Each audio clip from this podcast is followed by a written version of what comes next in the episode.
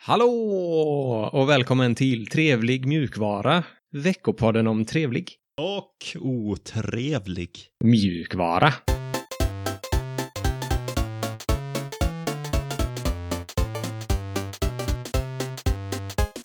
Mitt namn är Sebastian, som varje vecka. Och med mig har jag Alex, som varje vecka. Ja, hej. Hej! Hur är läget med dig? Det är bra. Vi är väldigt nära jul nu. Så att Ja, just någon det. Slags, någon slags feeling får man ju. Ja, men lite så. Har ni börjat julpynta hemma än? Ja, Ja, det har vi med. så nu är det my mysigt. Är det. Ja, det är faktiskt en mysig, mysig feeling. Ja, synd bara att elpriserna fullständigt förstör stämningen. Men Mm. det har väl alla problem med. Så. Ja. De drar inte så mycket i julstjärnorna, tror jag. Jaha, nej. Allting runt omkring. Ja, det är tufft. Ja. Eh, ja, vad ska vi prata om denna veckan då? Denna veckan kommer vi prata lite om GIMP, som har födelsedag. Och vi kommer prata om GitHub och lite stämningsansökningar. Indien och VLC har en liten grej på G. Open Speed Test och eh, lite brott potentiellt mot GDPR när det kommer till en känd app som heter TikTok. Mm. Men först, nyheter.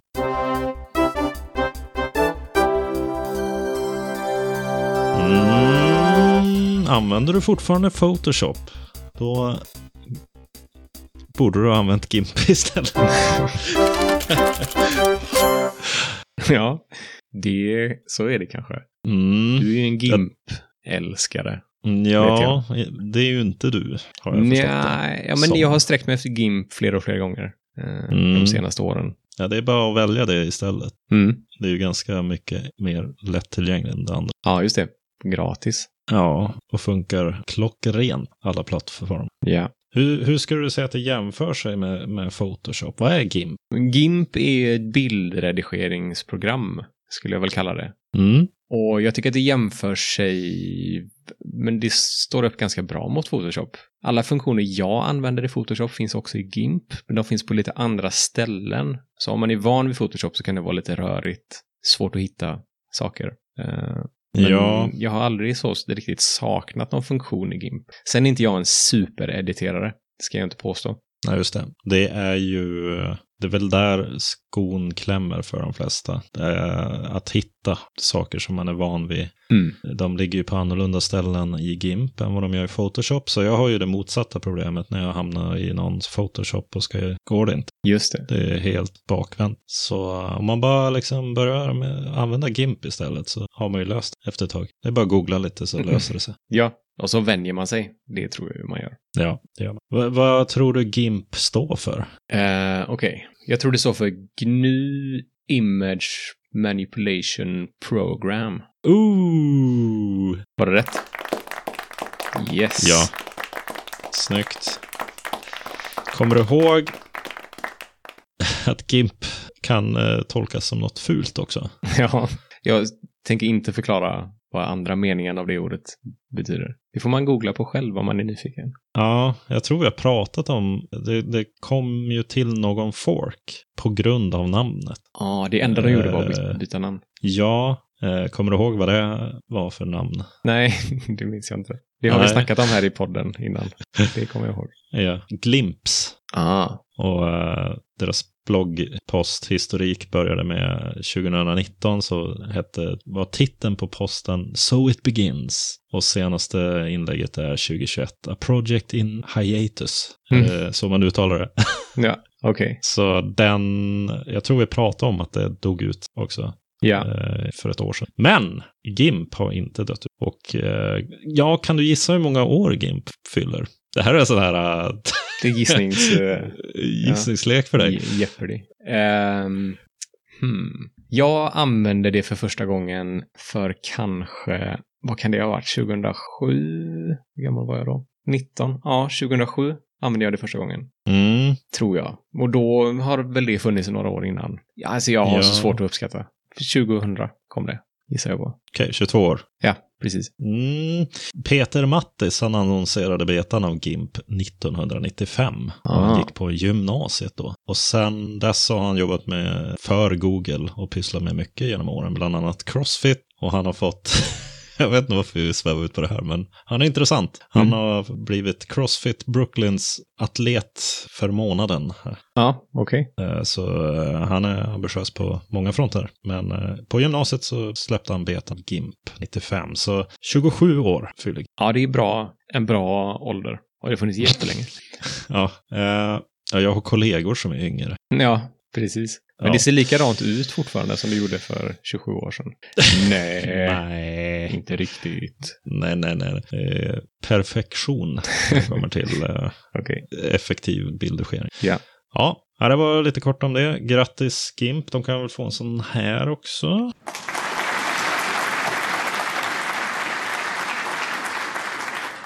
Och så kanske vi rullar in direkt på kortisarna. Det gör vi. Mm, och det börjar med GitHub som blir stämda. Yes, precis. Och det har med deras co-pilot att göra. Den som vi har pratat om innan. Kodgenererings, artificiella intelligensen. Oj, okej. Och det är ju för att de tar liksom fri och öppen kod för att träna sina algoritmer. Ibl- Ibland liksom hela snippet, hela kodstycken eh, som, som de för in. Ja. Eh, så en sån, en, något som kallas för class action, eller en grupptalan på svenska, Mm. har de fått mot sig nu då. Och där påstår man att de bryter mot MIT, GPL och Apache-licenser till exempel.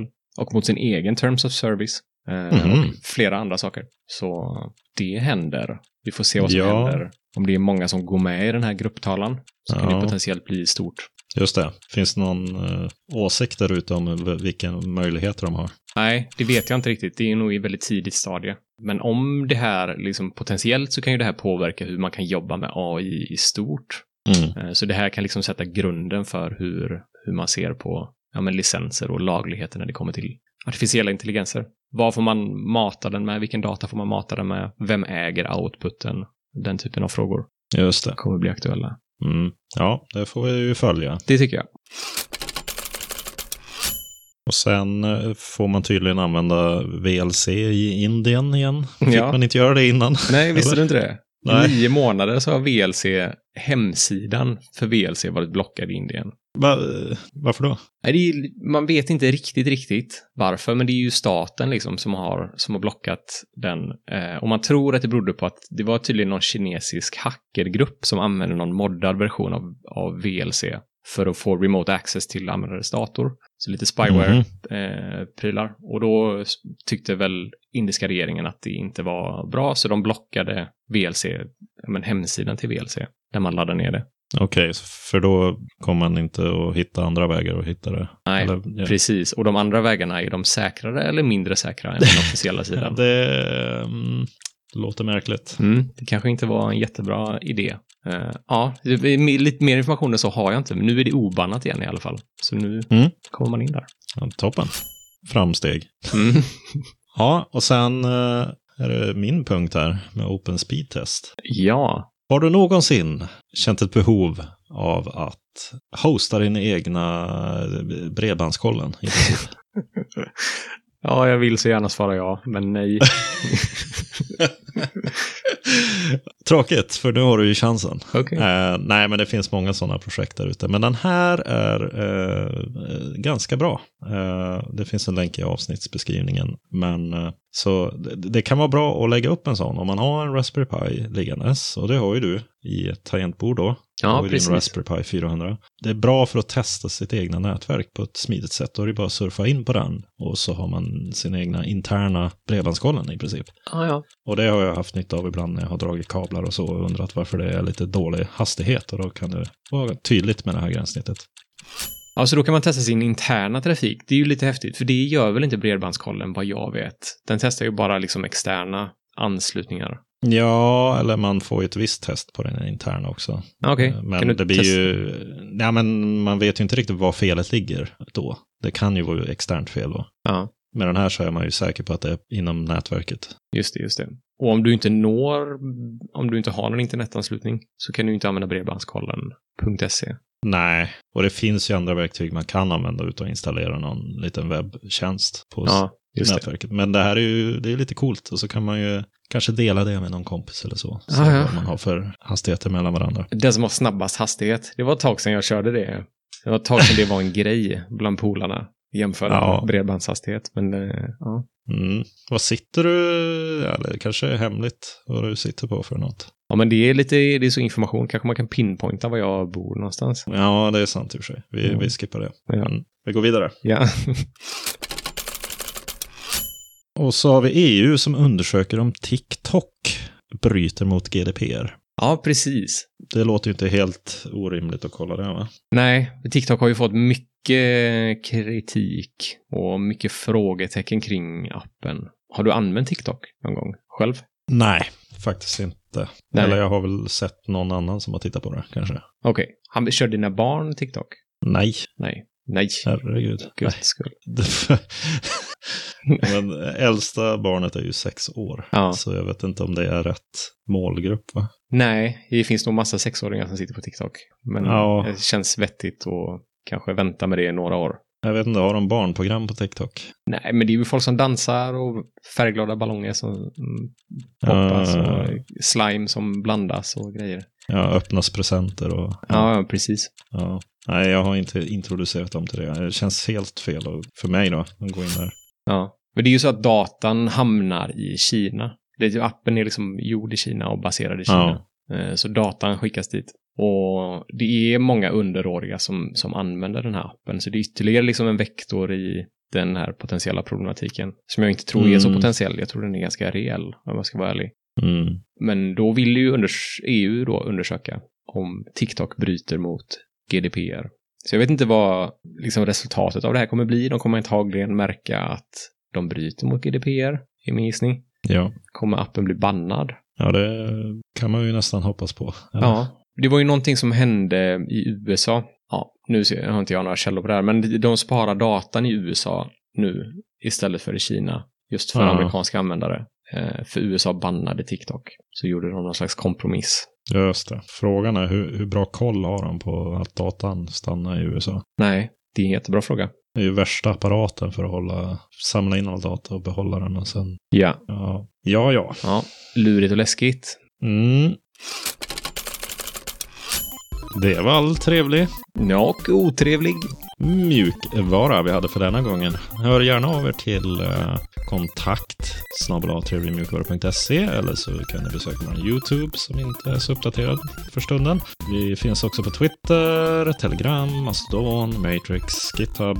Seb finns på både Twitter och Mastodon och Alexander finns på Mastodon. Och så har vi en donationsplattform. Just det, och den ligger på livrapay.com snedstreck trevlig mjukvara snedstreck donate. Toppen! Då hörs vi nästa vecka. Trevlig mjukvara på er. Ja, trevlig mjukvara.